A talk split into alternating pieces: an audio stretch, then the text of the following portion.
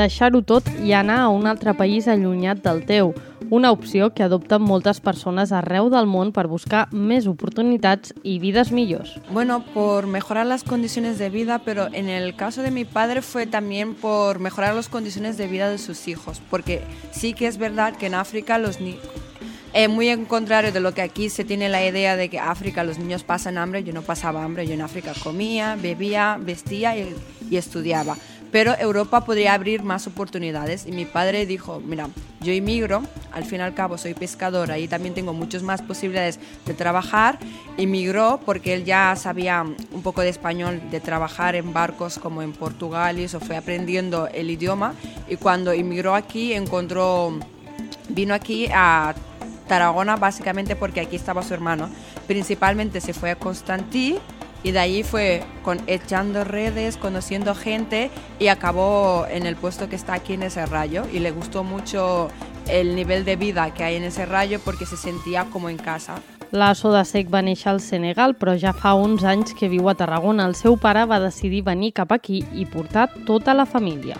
Cuando vine aquí yo ya conocía a gente española eh, a raíz de que mi padre ya llevaba aquí unos años que bajaban. Entonces yo tenía esa idea en mi cabeza de respeto mutuo porque yo respetaba a la, a la gente blanca y yo pensaba que ellos tenían el mismo nivel de respeto y empatía hacia la gente mm, racializada, eh, en mi caso negra.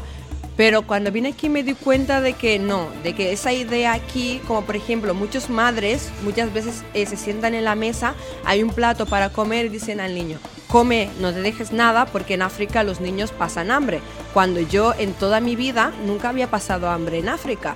Entonces el tener eh, esa manera de educar a los niños en base de que tú eh, eres superior a África, entonces tú te tienes que portar bien, eso hace que los niños crezcan con esa idea equivocada, pensándose que en África los niños pasan hambre, que como en España también hay niños que pasan hambre, no necesitas dar el ejemplo de los niños africanos, que en su mayoría muchos viven bien.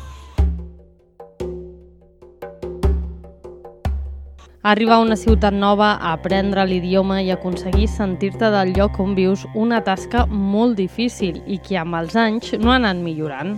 Todo el tema de trámites, papeleos y demás no me tocaron a mí directamente, sino que a mis padres. Mi primer problema fue el idioma, evidentemente. O sea, yo entré eh, a las clases, entré a la escuela y demás, y, y no entendía nada y era todo súper difícil de comprender. Y esa fue la principal dificultad para mí. Para mis padres supongo que ha sido, supongo no, o sea, sé seguro que han sido eh, los trámites, el papeleo, el conseguir las residencias, el conseguir... Eh, el permiso de trabajo eh, y demás, el conseguir vivienda, empadronamiento, todo esto, tarjeta sanitaria, todo esto eh, resulta súper problemático a la hora de, cuando te vienes aquí, súper con muchísimas dificultades y aparte tarda su tiempo. La Safilla Kerchowi va arribar en 4 anys a Lleida des del Marroc. La principal dificultat que es va trobar un cop aquí va ser l'idioma, perquè no parlaven ni castellà ni català però és conscient que els principals problemes dels seus pares van ser fer tots els papers. Entonces, claro, al querer desarrollarme profesionalmente con mi profesión, ¿no? Pues me encontré muchas trabas y estuve, eh, participé en muchas convocatorias um, para trabajar de comunicadora social de, o de periodista o, o de comunicación en organizaciones y siempre al hacer la primera entrevista uh, pasaba un filtro, ¿no? Luego iba a la primera entrevista y pues simplemente era un rechazo al verme principalmente migrante, mujer migrante negra, pues yo me quedaba en pequeño en comparación con una mujer nacional, ¿no? Local, una mujer de aquí profesional, ¿no? Solo por el hecho de venir de fuera y luego eh, estar en el proceso de homologación que tarda lo que tarda y que, y que conlleva ¿no? que tú tengas que, tengas que certificar todo el rato de que tu carrera primero pues la estudiaste donde debías estudiarla El cas de l'Anaret Siur és una mica diferent. Va arribar a Barcelona per fer un voluntariat i per un festival i després va decidir quedar-se a Tarragona. És colombiana afroamericana, va estudiar comunicació social i ja fa uns anys que treballa a la ciutat. Ara se la veu al capdavant de la red antirracista que s'ha format aquí. ¿qué pasa? Era la única chica negra de todo un barrio, de toda una, de toda una ciudad. Pasaba por las calles y no veía. Y la gente como que tenía ese pequeño rechazo hacia mm, incluirme dentro de Tarragona. Yo llevo aquí muchos años y es ahora que me empiezo a sentir un poco más incluida en esta ciudad. Entonces creo que mi gran dificultad, y sigo teniendo esa dificultad, aún pasando 11 años, aún hablando catalán, castellano y demás, sigue siendo el no sentirme incluida en Tarragona. Creo que es muy importante darle a esos niños que acaban de venir, que ahora ya son más, esa esa sensación de sentirse como en casa, porque al fin y al cabo te mudas, vienes a una ciudad, pero no te hacen sentir como si tú estuvieras en tu casa. Le falta ese nivel de acogimiento que tienes. Les tres creuen que és molt difícil la integració i hi ha moltes traves burocràtiques per poder normalitzar les situacions. Els preocupa la irrupció de partits polítics racistes com pot ser Vox i també el tracte que es dona i com es parla als nois i noies menors que arriben aquí.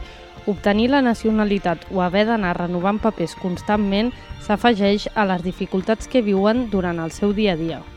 Eh, pero eso yo la he pedido hace como cuatro años perfectamente y sigo sin recibir respuestas y sigo eh, con temas burocráticos, con temas de trámites eh, sin parar, porque aparte es un fraude muy grande, es un fraude muy grande.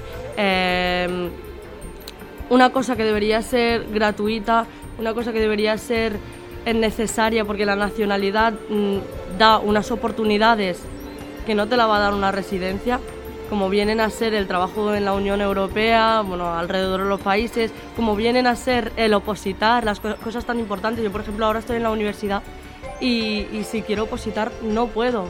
Pero nosotros literalmente ah, es que mm, encontramos hace dos meses, que ahora ya va un poco mejor, pero hace dos meses no podías, era imposible obtener una cita. Y las citas que obtenías eran para dos o tres meses después. Eso quiere decir que tu vida se paraliza porque no puedes estudiar, porque no puedes abrirte una cuenta bancaria, porque no puedes acceder a un contrato de vivienda, porque no puedes acceder a una vida digna simplemente. Y eso te bloquea. Si parlen d'habitatge encara tot és molt més difícil. Reconeixen que per trobar un pis o una casa per llogar molts cops els demanen més documentació que a la resta i a vegades això és insuficient. y fuimos a, llamamos a la agencia. Él, yo hablo bastante bien el español y entonces el acento ya no se me nota, pero él se lo nota un poquito, ya que ya cuando vino ya estaba más grande, tiene un poco de acento.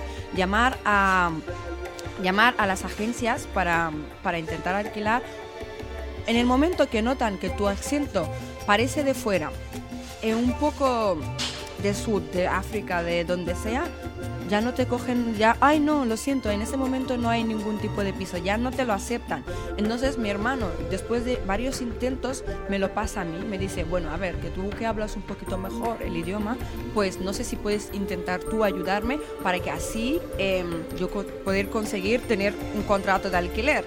Que yo te digo que tenía todas las condiciones que en el formulario te piden L'empadronament és bàsic per totes aquestes persones, però és molt difícil d'aconseguir, ja que per poder estar empadronat necessites un habitatge, però si no estàs empadronat no et lloguen una casa o un pis i tampoc pots treballar i és una mena de peix que es mossega la cua. A més de tot plegat, la Safilla creu que hi ha molts prejudicis cap a la comunitat musulmana. Quieras o no, ya de por sí existían unos prejuicios hacia la comunidad musulmana y existían por una básica razón, o sea, Eh, la islamofobia existe porque el Islam no es una religión eh, occidental, no es una religión establecida y aquí somos minoría.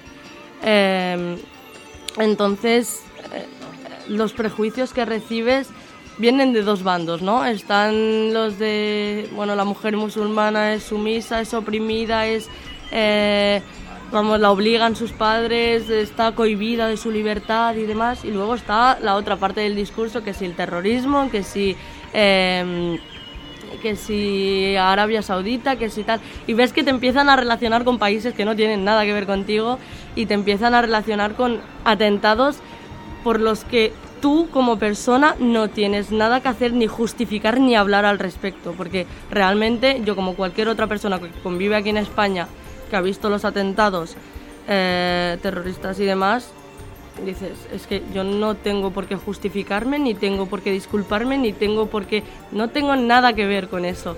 I això és algo que le cuesta muchísimo entender a la gente. Treballar per combatre totes aquestes problemàtiques consideren que és feina de la societat, però sobretot de les institucions. Escuchar, ante todo, escuchar lo que está gritando el movimiento antirracista aquí en, en España. Llevamos años y años y años luchando por eso. Entonces, queremos representación de la comunidad racializada, queremos vernos reflejados, sobre todo. Queremos que eh, el gobierno cierre los CIES, queremos que el gobierno eh, acabe con las deportaciones, que, que, que no que nos den que den los permisos de trabajo, que den ayudas en el sentido de en el sentido de eh, cursos de idiomas, eh, trabajos, eh, vivienda, que se reduzcan los años en los que se tiene que conseguir la residencia, menos problemas, menos obstáculos para obtener eso. Eh, la voluntad desde, desde los movimientos sociales está. Ahora falta que esté desde la política, ¿no? desde la gente que gobierna en el ayuntamiento. Y yo creo que es un buen momento porque gobierna la izquierda, gobierna Esquerra con En Común Poder y yo creo que están las puertas abiertas para hacer muchísimas cosas. Es mucho trabajo que tenemos que seguir haciendo, que la gente ahora racializada ya es consciente, ya está luchando, pero necesitamos también apoyo de la gente no racializada. Que no, es que no solo es el no ser racista, es que hay que ser antirracista. Porque no es solo no discriminar a la persona racializada, es ver una discriminación racial y combatirlo. Yo creo que eso hará la diferencia eh, del antes y del después. Y hasta que no se consiga eso, yo creo que son pasitos pequeños que se empiezan a dar, pero siguen siendo pasitos pequeños. I una cosa tenen molt clara, qui pren la decisió de deixar-ho tot i anar a un altre país ho fa perquè té motius de pes. Yo siempre he dicho una cosa, y si es que una persona está dispuesta a arriesgar su vida de tal manera como eh, yendo en una patera, que sabi- sabiendo lo inseguro y, y en los riesgos de muerte que puede tener eso, o luego viajando debajo de camiones, saltando vallas sabiendo que eh, pueden deportarles mm, prácticamente al llegar. Eh, son tantísimas cosas, tantísimos riesgos que asume una persona y para que luego te digan aquí que no quieren que vengan. Si una persona ha arriesgado tantísimo su vida, es porque realmente necesita salir del sitio donde está. Y está buscando una vida digna, está buscando un trabajo, está buscando vivir em, dignamente. ¿Por qué deberíamos cohibirle o prohibirle a una persona hacer eso? ¿Por qué incitamos el odio en contra de personas que simplemente están buscando vivir como nosotros y que no tienen los privilegios que tenemos nosotros a día de hoy? Mi padre lo hizo en su momento para que yo pueda tener la vida que tengo ahora. Y lo agradezco. Y, y lo sigo diciendo, hay que darle más importancia, hay que darle toda la importancia a los seres humanos que están arriesgando su vida.